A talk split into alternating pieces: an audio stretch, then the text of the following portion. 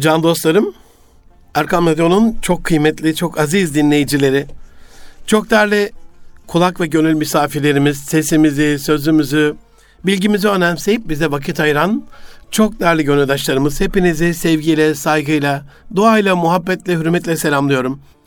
Hepinize hayırlı günler diliyorum efendim. Erkam Radyo'da Münir Arıkan'la Bir Nitelikli İnsan programı daha başlıyor. Geçen haftadan beyan ettiğim şekliyle dünya sorunlarına İslamca, insanca, Müslümanca bakışı ele aldığım birkaç hafta sürecek olan programımızın ikinci bölümünde 2021'inde 37. bölümünde sizlerle beraber olmanın mutluluğunu yaşıyoruz. Rabbimize hamd ediyoruz, şükrediyoruz. Aziz dostlarım, dünyamızı maddi, manevi, dünyevi, uhrevi olarak çepeçevre saran, kuşatan, sarmalayan, hatta perişan eden bütün problemlerin karşısında insan olarak, Müslüman olarak duyarsız kalamayacağımızı, sadece hayattaki kendi problemlerimizi çözmeye odaklanmamamız gerektiğini, dünyanın problemlerini çözmeye odaklandıkça Rabbimizin de bizlerin şahsi problemlerine deva göndereceğini sizlere beyan etmiştim. Ve bir numaradaki adaletsizlik, iki numarada ahlaksızlık ve üç numarada aileye karşı saldırıları anlattıktan sonra ikinci bölümde dört numarayla devam edelim. Bismillahirrahmanirrahim diyerek inşallah. Aziz dostlarım bize ulaşmak isterseniz nitelikli insan et erkamradyo.com e-mail adresi et Erkam Radyo ve et Münir Arıkan tweet adresleri emrinize amade. Gerçekten sesinizi, sözünüzü önemsiyoruz. Sizin sesimizi, bilgimizi, sözümüzü, fikrimizi önemsediğiniz gibi fikirlerinizle gelişiyoruz her eleştiriyi bir hediye olarak, lütuf olarak kabul ediyoruz. Farkındalık olarak kabul ediyoruz. Olumlu, olumsuz her manada bize ulaşabilirsiniz. Bundan memnuniyet duyarız efendim.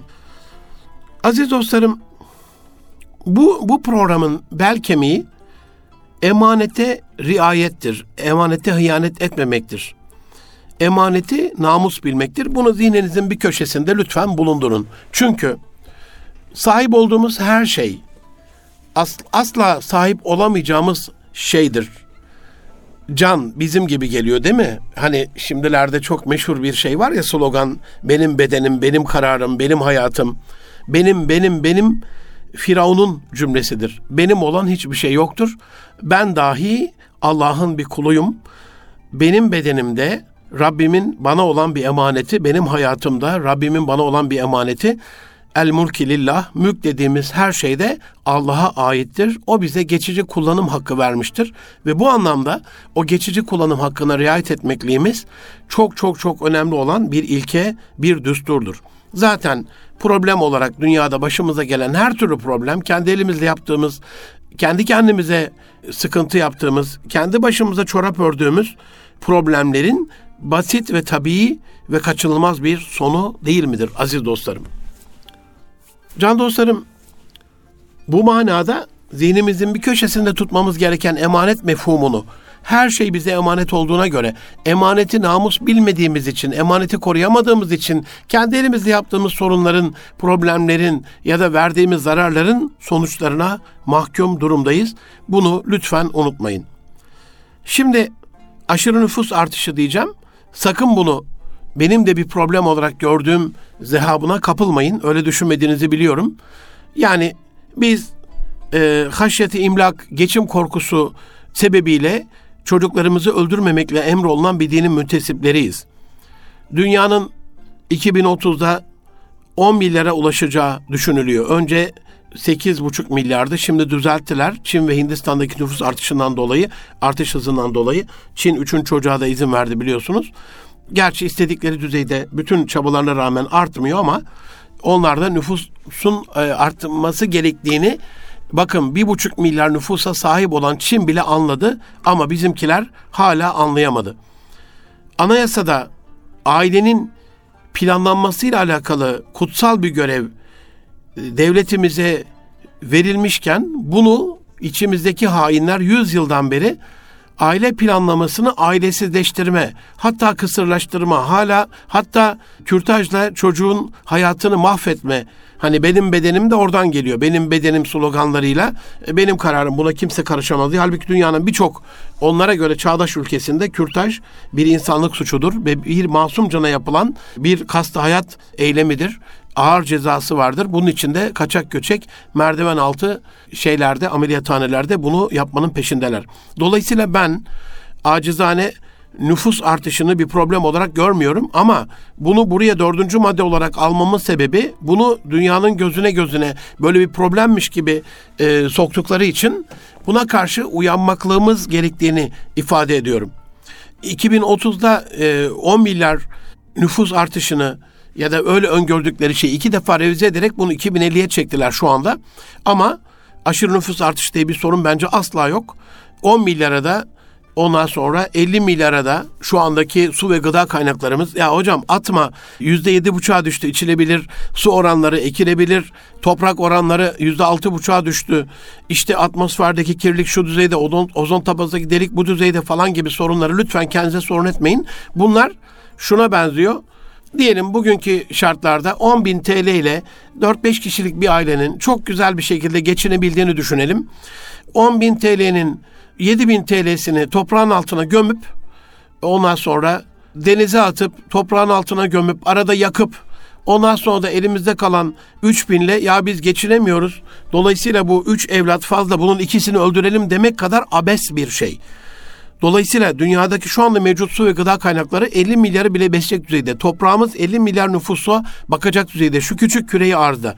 Sorun 10 milyar nüfusu aşırı nüfus diye e, reddedip buna karşı çıkıp 100 insanı yiyeceğini ve 1000 insanın giyeceğini gasp eden aşırı tüketim çılgınlarının kişisel zevklerine tapınmaları, nefislerini firavunlaştırmalarıdır. Böyle bir sorun vardır. Yoksa aşırı nüfus diye bir sorun yoktur. Dünyada her yıl aziz dostlarım, can dostlarım satışa sunulan 4 milyar tonluk gıdanın 1.3 milyar tonu, milyar tondan bahsediyorum, çöpe gidiyor. Yani ülkemizde de 7.7 milyon ton gıda israfı var. Hani israf haramdı? Hani e, hani emaneti unutmayacaktık ya. Bu da gıda da hani patriot sektör diyorlar, vatansever sektör. Bir savaş olsa e, düşmanımız gelip bizi besleyecek durumu yok. Aynı silah gibi. Zaten şu andaki e, küreselcilerin en büyük silahı da gıda. Onun üzerinde GDO ile oynayarak fıtratı değiştirmenin peşindeler. Dolayısıyla hani 7 milyar e, fazla oluyor. Şu anda 7.8 işte 8 milyar diyelim ortalama. 8 e, milyar fazla hani onu bir şekilde aşı komplo teorileriyle bir şekilde dünya savaşlarıyla düşürmek düşürmek düşürmek istiyorlar ya. Neden? Çünkü 100 insanın yiyeceğini bir şekilde har vurup parman savurarak, bin insanın yiyeceğini bir şekilde har vurup parman savurarak tüketim çılgınlığıyla nefsini firavunlaştıran, kişisel zevklerine tapınan insanların zevkleri bozulmasın diye gariban, fakir fukaranın ölümünün peşindeler. Aziz dostlarım, geçen bir televizyon programında izledim. Hani gençlerle alakalı ümit varız. Elhamdülillah çok böyle ehli namus gençlerimiz var. Vatan dertlerini, İslam dertlerini, Müslüman dertlerini, dertleri bilip bununla uğraşan, gençlik çağlarının o büyük enerjisini büyük bir motivasyonla gaye İslam adına, rıza e, ilahi uğruna, ilahi kelimetullah uğruna çabalayan, tahsis eden gençlerimiz var. Onlara selam olsun. Ama geçenlerde bir televizyon programında ben dedi gençlerden bir tanesi ikinci mide herkes mideyi küçültüyor dedi. Ben mümkün olsa ikinci mide ameliyatıyla daha fazla yemek istiyorum abi diye böyle anlattı. Şok oldum e, bu Allah'ın bir kavmi ismini hatırlayamadım helakının bir numaralı ve tek sebebidir. E, çok özür diliyorum affedersiniz anlatmanın başka yolu yok. Hani helakı anlamamız adına sapkınlığın Allah'ın en sevmediği amel olduğunu bilmemiz adına bu kavim çok fazla yiyordu. E, bu aşırı bu yeme zevki tabi duran bir zevk değil. Bütün zevkler gibi. Unutmayın Seks de böyledir, cinsellik de böyledir, uyuz gibidir. Kaşıdıkça azar, kaşıdıkça artar. Sabretmektir, tedavisini bulmaktır, ilacını bulmaktır, çaresini bulmaktır. İşte Resulullah Efendimiz de bununla alakalı cinsel dürtülerimizin ayyuka çıkmasıyla alakalı orucu tavsiye etmiş. Neden? Dengelensin. Bu anlamda bu cinsel olur, işte yemeyle içmeyle ilgili olur falan e, dizginlemenin bir yoluna bakmak lazım. Çünkü uyuz gibidir kaşıdık kişiler. Dolayısıyla bu kavimde yedikçe yedikçe yedikçe hani adam gitmiş doktora, doktor bey demiş yiyorum yiyorum iştahım kesiliyor. Evladım demiş o doymak demek iştah kesilmesi değil. Hani adam hala iştah şurubunun peşinde. Doymuşsun demiş kalk o zaman sofradan. Aynen öyle. Şu anda bu kavmin helakıyla alakalı en büyük sebep yiyip yiyip yiyip azıyorlardı çılgınca yeme arzusunu gemleyemedikleri için biraz daha fazla yemek istiyorlardı ama mideleri dolu. Kuş tüyleri işte kas tüyleri falan sokup boğazlarına tekrar kusuyorlardı ki ağızlarını çalkalayıp biraz sonra aynı miktarda yiyebilsinler diye rezilliğin daniskası. Hani emanet demiştim ya aziz dostlarım. İşte bize verilen emanetin çarçur edilmesi, harur parmağın savurulması, emanete ihanet edilmesine çok vahim bir örnek olsa gerek bu. O kavminde helak olduğunu biliyoruz. Dolayısıyla bendeniz de acizane birçok kere söz vermiş olmama rağmen bu fazla yeme konusunda elhamdülillah yani 130 kilolardan 115, 116, 117 civarlarına böyle oynuyor şu anda ama yakınlarda yine bununla alakalı kendime bir söz vermiş bulunuyorum. İnşallah dualarınızı beklerim. Hep böyle insan kendinde olmayan kusurları karşıda görüp ona e, eleştiri getiriyor. İşte sigara içen birini görünce kardeşim hala usanmadınız mı yeter bırak falan diyor ama aşırı yemenin de sigaradan az kalır bir tarafı yok zarar adına. Allah nefsimize hakim çıkmamızı dualarını sürmetine bizlere de nasip eylesin, lütfeylesin. E, her zaman söylediğim gibi bu kardeşinize bu mikrofon tevdi edilen, bu emanet kendisine lütfedilen bu kardeşinize hayatıyla her yönüyle size örnek olarak çıkıp e, haza insan diyeceğiniz bir kul değil maalesef öyle olmak isterdim. Ama dualarınızla öyle bir bir kamil insan olmaya namzetiz ya da adayız diyelim. E, namzetle aday da gerçi aynı da hani kendimizi layık görememe e, duygusuyla bunu söylüyorum. Aziz dostlarım ne dedik? 10 milyar nüfus olacakmış da işte bu nüfus planlamasıyla bunun birkaç milyarını öldürelim falan. İşte gıda yetmiyormuş falan. Ülkemizde sadece çöpe atılan ekmek miktarı 10 milyon ekmek günlük. 10 milyon ekmek demek ne demek biliyor musunuz? Afrika'da her yıl açlıktan ölen 10 milyon çocuğumuzu yaşatabilmek demek. Çünkü bir ekmek bulurlarsa bir vakıftan bir dostum Ahmet Şişman rahmet olsun. Allah gani gani rahmet eylesin. O güzel insana buradan selam olsun. Afrika'ya gittiğinde bir çadıra girer. İşte nasıl besleniyorsunuz diye sorar tercümanı vasıtasıyla. İşte pirinç şeyi gösterir böyle. Birleşmiş Milletler bir çuval pirinç vermiş. 5 kiloluk böyle küçük bir çuval onun lapasını yapıp yediriyoruz. Ya her gün her gün o da demiş hani pirinç şey olmuyor mu böyle? Gülerek mütebessim bir şekilde kinayeli bir şekilde efendim demiş her gün her gün ne demek her gün her gün pirinci kim buldu? Bu bizim bir aylık bu çadırda yaşayan 8-10 kişilik ailenin bir aylık yiyeceği bir gün bir çocuğumuza veriyoruz. Ertesi gün aç kalıyor, öbür gün öbür çocuğumuza veriyoruz. Ancak öyle öldürmeden yaşatabiliyoruz. Hazreti Davut Aleyhisselam'ın orucunu uyguluyor. Garibanlıktan Afrikalı mazlum halklar, sömüren Fransızlar, İtalyanlar, İspanyollar, Almanlar, İngilizler, mahvedip giden Amerikalılar, köle gibi çalıştıran Portekizliler Allah'ın o belasına düçar kalacaklar. Buna Allah'ı bir bildiğim gibi iman ediyorum. Çünkü zulümle abad olunmaz. O yaptıkları bütün zulüm lanet olarak onlara dönüp hayatlarını berbat edecek. Sadece yani İsrail için değil taşların konuşacağı güne olan duamız onlar için de onların helak olacağı günler. Hatta bir taraftan da helak oluyorlar zaten. Allah bir şekilde belalarını veriyor. Allah ama bizim de uyanabilmekliğimizi nasip eylesin. Böyle dua edelim. Aziz dostlarım gıdada böyle giyime bakarsak eğer kılık kıyafete mesela Amerika'da giyilebileceği halde işte modaya uymadığı gerekçesiyle atılan giysi miktarı 13 milyon tonmuş yılda. Çin'de bu 20 milyon ton. Tabii Amerika 326 milyon, e, Çin 1,5 milyar. Biraz daha onlarda rakam olarak fazla olsa da kişi başına da biraz daha az oluyor. Normalde ortalamasına bakarsak bunu dünya nüfusuna oranlarsak kişi başına yılda 200'den fazla giyim malzemesinin çöpe atıldığı anlamına geliyor. Şimdi ben düşünüyorum e, sitelerde yollarda, yol kenarlarında radyomuzun bulunduğu Üsküdar Belediyesi de Allah razı olsun yapmış. Burada da var. Hilmi Türkmen Başkanımıza buradan tebriklerimizi, teşekkürlerimizi iletiyorum. Çünkü bunun başka türlü çaresi yok pratiklik adına.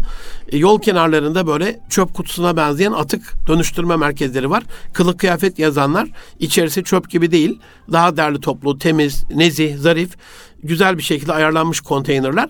Oraya siz çöpe atar gibi affedersiniz. Yani bunu da çok uygun bulmuyorum alan kişiler adına. Ama aynen öyle oluyor. Alıp fırlatıyorsunuz yani onların içerisine alıp atıyorsunuz bir anlamda. Bu hani vazgeçtiğiniz neden vazgeçiyorsunuz? Hani sıcak mı tutmuyor? Serin mi tutmuyor? Avret mahallinizi mi örtmüyor? Allah Resulü'nün sahabesinden çok daha mı kaliteli bir hayatımız var? Ya da çok daha kaliteli bir kişiliğimiz, kimliğimiz mi var aziz dostlarım?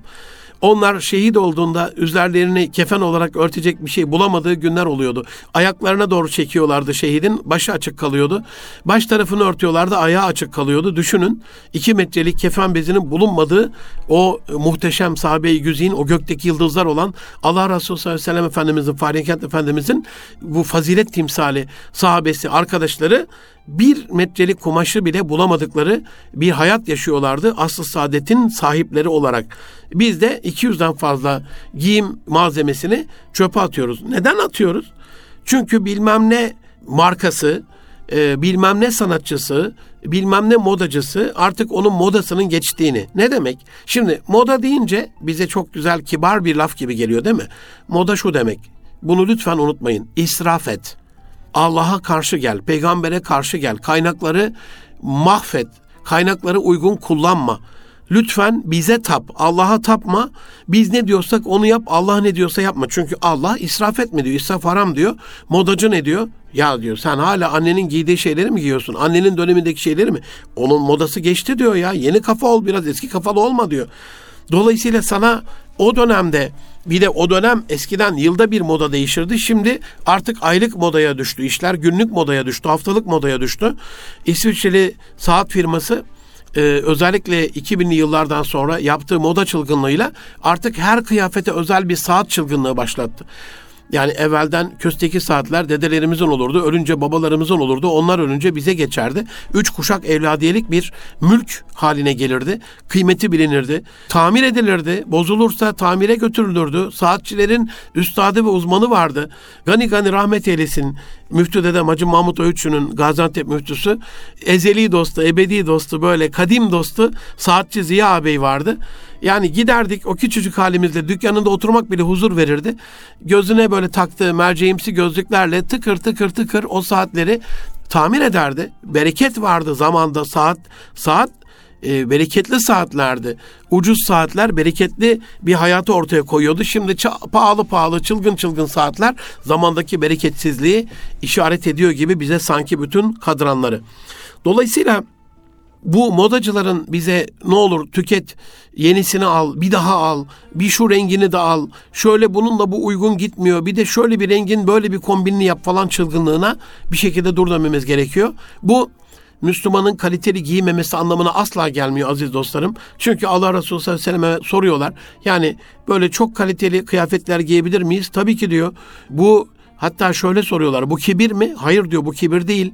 Çok kaliteli böyle soylu develere binebilir miyiz? Bu bir kibir mi? Hayır diyor. Kibir bu değil. Kibir halkı küçük görmen diyor Resulullah Efendimiz sallallahu aleyhi ve sellem. Bir, bir ifadesi daha var bu hadis-i şerif metninde. Onu hatırlayamadım. Ama halkı küçük görmedikten sonra Allah kulunu ona lütfettiği nimetler içerisinde görmek ister. Ama bu hani yakışmayın, renk uyumunu sağlamayın anlamına gelmiyor ama 200'den fazla giyim malzemesi de çöpe atmayın anlamına geliyor.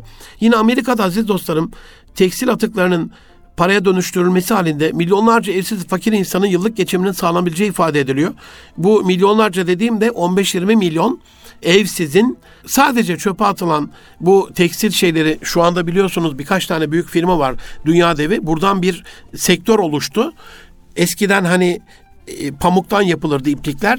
Şimdi tekstil makinalarını öğüterek, onlardan iplik iğirerek çok daha böyle farklı bir e, ekonomi oluştu. Yarı fiyatına iplikleri üretebiliyorlar bu şekliyle. Atığın değerlendirilmesi adına tabii ki bir israfın önlenmesi ama hani 200 liraya mal ettiğiniz bir şey 5 liralık ip haline geliyor. Bu da 195 liranın çöpe atıldığı anlamına geliyor. Bunu da unutmayalım. Amerika'da atılan ürünlerin sadece yüzde 15'inin ihtiyaç içindeki insanlara ulaştırılabildiği beyan ediliyor. Kalanları da imha ediyorlar. Mehmet Tekerlek ağabey, e, Türkiye Büyük Millet Meclisi üstün şeref madalyası nişanı sahibi Gaziantep'li hemşehrimiz, medar iftarımız bundan 50 yıl önce bir sefer tasıyla e, restoranlardan topladığı atılacak olan gıdaları fakir fukaraya götürüp dağıta dağıta işte topla dağıt, dinsin ağıt hareketiyle bugün 10 bine yakın insanın nasiplendiği, çöpe atılacağına, hele hele bu Suriyeli mazlum kardeşlerimiz geldikten sonra bu rakam 20 bine de çıkmış durumda. Ölmektense hani e, atık anlamına tabii ki böyle ısırılmış böyle e, bir şekilde bulaşmış şeyler değil ama o anlatıyor bunu restoranlara çok uygun bir şekilde toplanabiliyor. Dolayısıyla imha edilmesi tamamen haramdır. Bunun değerlendirilmesi gerekiyor. En iyi değerlendirmede aziz dostlarım e, herhalde bunun bir insanın ihtiyacını e, çözecek şekilde değerlendirilmesidir. Yine Avrupa'da bazı moda firmalarının satılmayan ve modası geçen ürünlerinin imhası için son 5 yılda 100 milyon avro harcadığı tespit ediliyor. 100 milyon avro ile bir şirket kurulup gıda ile alakalı iştigal etse herhalde Afrika'da 10 milyon yavrumuzun ölmeyeceği de ortaya çıkar. Bu rakam Avrupa'da aziz dostlarım insani yardım tutarının onda birine denk geliyor. Yani onda biri kadar bir miktarı bütün insanları kurtarmak için harcadığı çöpe atıyor Avrupa. Ondan sonra da tutup biz Avrupa'dan gelen akımların e, hegemonyasına girip ya nüfusumuz fazla bilmem ne falan diyemeyiz. Böyle aile koçluğu yaptığım ailelerde, çocuk bakıcılığı yaptığım dönemde de böyleydi. E, 84-94 arasında. Ya işte e, Münir abi tek çocuk çok iyidir biz ailemizin tek çocuğuyuz. İki çocuk olsa şimdi o ne yiyecek, bu ne giyecek, ona hangi oyuncak alınacak ben çok kıskanırdım diyen küçücük yavrucaklarla tanışmıştım. Dolayısıyla aşırı nüfus artışı bencillikten kaynaklanan bir zehap, bir hata, bir günah, aşırı nüfus artışı demek nüfusun aşırı artışı diye bir şey asla kabul etmeyiz. Allah Resulü bizim çokluğumuzla övünecek. Tabi bunu söylerken de hani çocuk yapalım ve onlara bakmayalım, çocuk yapalım ve onları yetiştirmeyelim anlamına gelmez. İnsanca, İslamca oradaki ebeveynlik, anne babalık hakkımızı da bir hakkın yapmak kaydıyla. Aziz dostlarım, beş numarada aşırı para göz olmak var dünyanın en büyük problemlerinden bir tanesi. Çok özür dilerim bu dördüncü maddedeki aşırı nüfus artışıyla alakalı bir hani İslamca ve Müslümanca bakıyoruz ya problemlere. Hayatımızla örnek olmaklığımızı da parantez içinde kulak arkasında bir küpe olarak tutalım. Dinimizin bir köşede bulunsun. Biz İslam dünyasında yetiştiremeyeceğimiz kadar çok çok çocuk yapıp bakamayacağımız kadar demiyorum bakın. Çünkü Allah rızka kefil bir şekilde onu lütfedecektir. Ama yetiştiremeyeceğimiz kadar ya da yapıp yapıp çocukları yetiştirmediğimiz durumlarda kötü örnek olduğumuz çok kesin. Dolayısıyla Müslüman ailelerin aşırı nüfus artışı zehabına karşı, aşırı nüfus artışı söylemine, sloganına karşı bunun altında ezilmemesinin en büyük inşallah nişanı çocuklarını yetiştirmesi, kaliteli, nitelikli, yetenekli, bilge bir şekilde yetiştirmesi olacaktır. Çocuklarımıza inşallah bu anlamda sahip çıkalım. Beş numara aşırı para göz olmak demiştim aziz dostlarım. İngiltere merkezi Uluslararası Yardım Kuruluşu Oxfam 2017 yılının başında açıkladığı bir raporda dünya nüfusunun yarısının servetinin 8 kişinin elinde olduğunu açıklamıştı. 2020'de bunu revize etti e, Oxfam. Dünya nüfusunun yarısının serveti 42 kişide 2017'den 20'ye biraz iyileşme var ama 42 kişi yani 8 milyar insanız 42'si 4 milyar insanın kaynağına sahip. Ve Oxfam'a göre 2153 milyarder var dünyada. Bunlar dünya nüfusunun %60'ını oluşturan 4.6 milyar kişiden daha zengin durumdalar. Biz zenginliğin e, bir günah olmadığının bilincindeyiz helalinden olmak kaydıyla. Zenginliğin bir güzellik olduğunu, bir iyilik olduğunu, İslami bir emir olduğunu biliyoruz. Mal düşmanı, mülkiyet düşmanı, sermaye düşmanı değiliz elhamdülillah. Ama helalinden olmak ve helale harcanmak kaydıyla bunu sürekli sayanlardan, bununla gurur duyanlardan, kibirlenenlerden, e, mal mülk hırsıyla kul hakkı yiyenlerden olmamak kaydıyla mülk her zaman iyidir. Emanet olarak emanete yanet etmemekliğimiz durumunda. Çocuklarımıza bu aşırı para göz olmakla alakalı kariyer diye verdiğimiz hedef daha güzel bir insan ve daha ahlaklı bir kul değil de daha zengin bir birey olmayı hedeflediği için bu mal mülk bizde bir hırs, tamah ve e, zul olarak görünüyor ama asla öyle değil. Para değil, para göz olmak kerih görülmüş. Sermaye değil, sermayeyi kul hakkına girecek şekilde hep kendi lehine yontmak kerih görülmüş. Bu anlamda bu zihnimizi arka fonda temizlememiz gerekiyor. Biz para göz olmayı şöyle açıklayayım. Mesela kız çocuklarımızı evlendirirken damatta aranan kıstaslarda parayı bir numaraya koyuyorsanız evi var mı, arabası var mı, maaşı, işte geliri falan, malı, mülkü işte o zaman para göz olmuş oluyoruz. Ama tabii ki helal çerçevede ya yeni kuracağınız yuvada tabii ki rızık Allah'tan ama buna vesile kılacağınız bir çabanız, bir bilginiz, bir eyleminiz var mı? Bunu da sorgulayan, yargılayan bir şekilde değil. Hani e, yardımcı olmak kastıyla soruyormuşçasına sorulması başka. Bu da ahlakın, iyiliğin, faziletin, e, davranışın, huyun, karakterin, kimliğin, kişiliğin sorulmasından çok çok çok sonra gelecek bir madde. Ama biz bunu bir numaraya koyduğumuzda işte asıl para gözlük bu oluyor. Güzel ahlaklı bir işi, yüzü güzel, güzel ahlaklı bir eşi, arabası güzel bir eşe tercih etmememiz anlamına geliyor ama biz maalesef bunu yapar olmuşuz. Güzel ahlaklı bir işi, güzel yüzü güzel, güzel ahlaklı bir eşi, arabası güzel bir eşe tercih eder olmuşuz. İşte para gözlük bu olsa gerek. Aşırı para hırsı bir anlamda insanları cimri de yaptığı için, kanaatı öldürdüğü için, aşırı hırslandırdığı için, o hırs da günaha ve harama kapı açtığı için kerih görülüyor. Yoksa zekatı vermek için çabalayın ayet kelimesinden anladığımız kadarıyla dünyada yapılan ayrı senat, sivil toplum kuruluşlarının yaptığı sosyal sorumluluk projelerinin hepsi parayla yapıldığına göre aziz dostlarım para en büyük araçlardan bir tanesi helal olmak kaydıyla yeter ki para göz olmayalım. Can dostlarım Erkam Radyo'dasınız. Münir Arıkanlı Nitelik İnsan programındasınız. Dünyanın sorunlarına İslamca, Müslümanca, insanca bakışı ele alıyoruz. Altıncı maddedeyiz. Batı hayranlığı. Resul Efendimiz sallallahu aleyhi ve sellemin kıyamet alametleriyle alakalı en en en böyle e, bariz, en çarpıcı, hali hazırda vuku bulan ve bize onun o büyüklüğünü, ufku genişliğini, peygamberliğini ispat eden en büyük olaylardan bir tanesidir bence bu. Hani onlar bir keler deliğine, bir kertenkele deliğine kafalarını soksa siz de peşi sıra oraya gideceksiniz. İşte az evvel anlattığım dünya hırsı, aşırı haramından aşırı mal tamahı, e, modayı takip etmek, çıkan bütün e, sapkın hareketlerin takip edilmesi, e, cinsiyet eşitsizliği, işte kadın iş gücünün teşviki altında kadın bedeninin sömürülmesi, kadın emeğinin sömürülmesi, e, aklınıza gelen işte nüfus planlaması adı altında katliamlar, kürtajlar, her türlü fenalığın içerisinde işte normal doğum yerine sezeryenin yaygınlaştırılması, anne sütü yerine mamaların böyle ön plana tutulması, annenin yavrusuna, canına, çocuğuna bakması yerine dadılarla bu işin yapılıyor olması, dadı haram bir şey değil, yani yapılması durumunda ehli namus bir şekilde helali harama riayet edilerek evdeki helalliğe haramlığa riayet edilerek yapılması durumunda elbette bir kolaylık ama asıl bir kadının görevinin annelik olduğunu unutulmaya çalışıldığı bir dünyada buna tabii ki bir karşı sözümüz olacak. Batı hayranlığı ile alakalı tabii bunu söyleyen kardeşiniz de şu anda dışarıdan görseniz tamamen sakal, bıyığı, saçı saymazsak e, kılık kıyafetiyle, elindeki çantasıyla, elindeki bilgisayarıyla hani bir batılı yan yana gelse ayırt edilemeyecek bir durumda olmanın e, hüznünü yaşıyor. Bu inşallah bir kılık kıyafette de kendi siretimize, suretimize döndüğümüz günlerin geleceğine inanıyorum. Çünkü bir öze dönüş hareketi var. Mutlu etmiyor, tatmin etmiyor, doyurmuyor yani. Batı batı öğünü, e, batı menüsüyle karın doymuyor. Bize bir saadet sattılar, saadet zinciri sapkınlığıyla. O bizi saadetten bedbahtlığa doğru döndürdü. Anladık ama çok geç oldu. Yani İsviçre'nin hukukunu aldığımızda medeni olamayacağımızı, adı medeni hukuk olsa bile İsviçre medeni hukukunun bizi zerre kadar medeni yapamayacağını anladık ama çok geç anladık aziz dostlarım.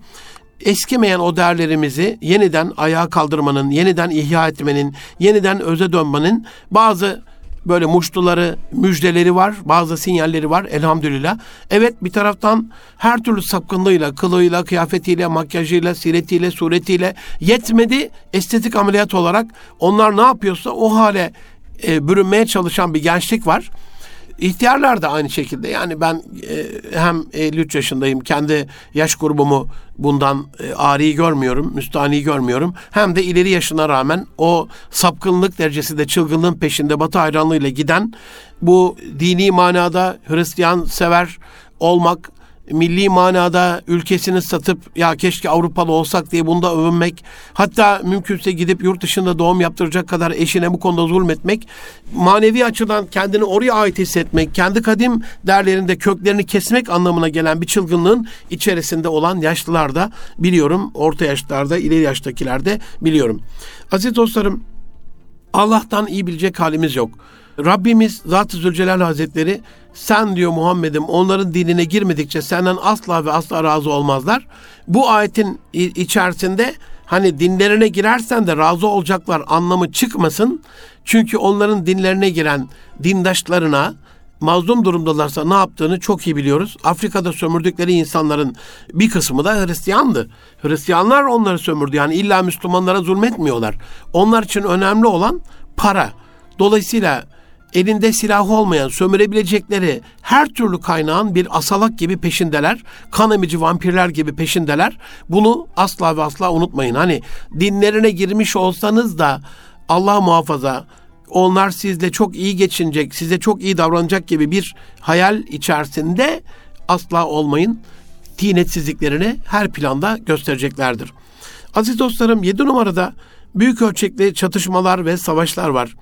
Bu küçük ölçekteki çatışmaların, küçük ölçekteki savaşların artmış olmasının bir sonucu. Biz evde bir savaş yaşıyoruz. Biz sokakta bir savaş yaşıyoruz. Biz hükümette, devlette, okulda, siyasette, medyada, sosyal medyada bir savaş yaşıyoruz. Yaşadığımız hayat yani Twitter tam tercümesi cıvıldaşmak demek ama biz orada en türlü çirkef e, şeylerle, kelimelerle inanılmaz böyle birbirimize pislik atarak, ondan sonra çamur atarak, kavga ederek, savaşarak hatta hakkımızı almanın, kendimizi haklı çıkarmanın, nefsimize paye vermenin peşinde oluyoruz. Dolayısıyla hani büyük ölçekli bir çatışma Ferdinand'ın ölmesiyle çıkmadı yani Dünya Savaşı. Ferdinand öyle öldüğünde Dünya Savaşı çıkartacak bir şahsiyet falan değildi. Birçoğu da unuttu zaten yani. Bosna Hersek'te o meşhur köprünün üzerinde e, ona suikast tertip edildiğinde ama dünya hazırdı. Bir barut halindeydi yani. Dünya Savaşı öyle çıktı. Şu anda da öyle bir barut bekliyorlar. İşte bu barutu suyla ya da e, çok daha uygun bir malzemeyle yok edecek olan şey ya da o toplanan sıkıştırılan barutu güzel bir şekilde imha edecek olan şey bizim önce kendi nefsimizde, kendi içimizde de büyük çatışmalar var. Kafamız dumanlı, aklımız bir karış havada. İşimizden memnun değiliz, eşimizden memnun değiliz, hayatımızdan memnun değiliz, ülkemizden, devletimizden, hükümetimizden hiçbir şeyden memnun değiliz. Allah'ın verdiği hiçbir nimeti nimet olarak görmeyip daha fazlasını, hep daha fazlasını, hep daha fazlasını istiyoruz. Allah da Rabbimiz nimetlere şükredersek onu artıracağını söylüyor. Şükürsüzlük içerisinde nimetsizliğe doğru da gidiyoruz.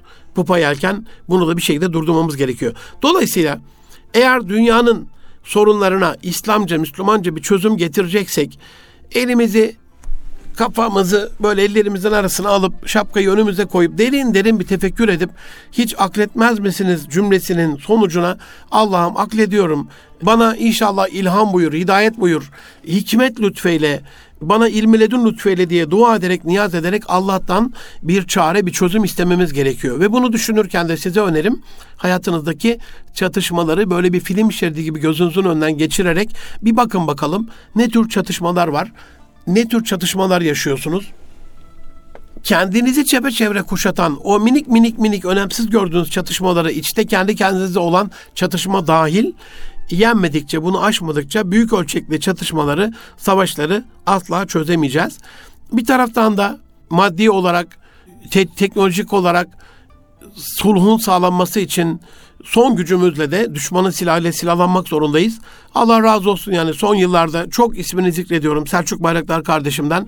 Medar iftiharımız oldu. Hakikaten bu başarıya açtık, e, susamıştık, bizi ferahlattı. İnşallah her alanda Batı'nın bize böyle hava attığı, bizi sömürdüğü, bizi kaynaklarımızı mahvettiği, aşağıladığı bütün alanlarda onları geçecek, onların silahının üstünde silahlarla en azından onların bize olan sataşmasını, işgalini, sömürüsünü durdurmak adına, gidip onları sömürmek adına değil ama hakkı, adaleti dünyada tesis etmek, dünyayı ihva imar etmek adına e, o düşmanın silahlarının daha iyisine ihtiyacımız var. Bir taraftan da hani içinizdeki içsel çatışmaları halledin dedim. Evet dostluğu yayın evet ama karakterli, yetenekli, potansiyeli uygun çocuklarımızı bu alanlara sevk ederek, mühendislik formasyonu yetiştirerek de bu büyük ölçekli çatışmaların çözümünde, önlenmesinde koruyucu hekimlik yapmış olabiliriz. Aziz dostlarım bir madde daha söyleyip bu haftalık da bu kadar diyelim 8. maddeyle bitirelim. En en en önemli sorunlarımızdan bir tanesi çok böyle e, göze batmıyor dışarıdan baktığımızda çarpık kentleşme. Neden çarpık kentleşme? Çünkü aslan yattığı yerden belli olur. Eğer şehirlerimiz oradaki zarafete hani ne diyoruz sürekli eşyanın hakikatinde zarafet, insanın hakikatinde ahlak var. Ahlaklı insanlar eşyayla buluştuğunda o içerideki zarafet ortaya çıkarak medeniyeti ortaya koyuyor. Ama ahlaksız insanlar bir eşyayla buluştuğunda otobüsün koltuğunu jiletliyor, yakıyor. Ondan sonra bir ağacı kesiyor, ormanı yakıyor. Gece kondu demek ne demek efendim? Böyle bir saçmalık olabilir mi? Avrupa Birliği'nde en son gece kondu Budapeşte'de de 1956 yılında yapılmış. Akın Ekinci ağabeyim Allah gani gani rahmet eylesin. Onun harita şirketinde çalışırken Emi Harita'da bir imar planı sunumunda bunu kullanmıştı. Ben de onun ruhu şad olsun ümidiyle, dua olsun ümidiyle bir Fatih okuyalım bütün geçmişlerimizde inşallah. Bunu sizle paylaşmış olayım. 1956'da yapılmış en son gece kondu. Biz de hala işte af bekleyenler, gündüz konanlar, gece konanlar, sabah konanlar, öğlen konanlar, ikindinin arkasında ötesinde konanlar gibi saçma sapan bir gasp, e, saçma sapan bir tecavüz var. Bakıyorsunuz İstanbul'da dolaşırken şöyle biraz İstanbul dışına doğru ormanlara yavaş yavaş yontmaya başlamışlar. Hani anayasada suçtu, anayasal bir suçtu. Ormanlar yakılamazdı, or, ormanlar gasp edilemezdi, orman olan yere bina yapılamazdı. İşte isim vermeyeceğim bir sürü e, villalar, şunlar bunlar, kentler, mentler var. 30 yıldan beri bir şekilde çözülememiş. Tabi buradaki rantın bu kadar büyük olması insanın mala olan hırsının para gözlüğünün bir sonucu olarak da oradaki Ali Cengiz oyunlarını ayuka çıkartıyor. Biz e, çarpık kentleşme ile alakalı Özellikle yeni kurulan mesela ben Başakşehir'den çok umutluydum 25-30 sene önce. Çünkü yok olan bir yerde yeniden bir imar hareketi başlatılmıştı ve belediyelerde 94 ruhunun zirve olduğu, e, bu kadar problemin ortaya çıkmadığı dönemlerdeydi. Ama orayı da 25 yıl 30 yıl içerisinde mahvetmeyi başardık. Başakşehir'de hala bir ucundan bir ucuna sonradan kurulan bir kent olmasına rağmen bisiklet yolları yok. Olanlarda belki %5 %10'luk bir şey değil yapılaşma e, inanılmaz bir şekilde. Bakıyorsunuz 30 katlı bir şey burnunuzun dibinde evinizin önünde. Bütün güneşi havayı keser rüzgarı keser bir durumda. Yan, yanınızda halbuki 8 katlı 10 katlı imar verilmiş. Anlayamadığınız şeyler oluyor. Sadece bunu Başakşehir için suçlayarak söylemiyorum. Ee, ama çarpık kentleşmenin elimizi böyle vicdanımıza koyarak Bursa'yı son 20 yılda ne hale getirdiğimizi, İstanbul'u son 30 yılda ne hale getirdiğimizi, Türkiye'yi son 30 yılda ne hale getirdiğimizi geçen bir arkadaşım diyor nereye gitmek istersen İtalya'ya hocam diyor. Ya dedim ne alaka? Hani Amerika desen anlarım. Hadi İngiltere anlarım. Hindistan anlarım. Japonya'yı anlarım. Çin'i bile anlarım da İtalya ne alaka? Ya hocam dedi orta çağın şeyiyle o kadar çok köyleri var ki, kasabaları var ki o eski çağlara dokunmak istiyorum dedi tarihi çok seven bir kardeşim. Hak da verdim. Hakikaten 1600 yıllardaki dokusu korunan şehir adına değil ama küçük kasabaları, köyleri hala var. Şehirler onlarda da epey bir bozulmuş ama korudukları yerler var. Bu anlamda biz Kastamonu'da hani Safranbolu evleri dünyaya nam salmış UNESCO koruma e, miras listesinde.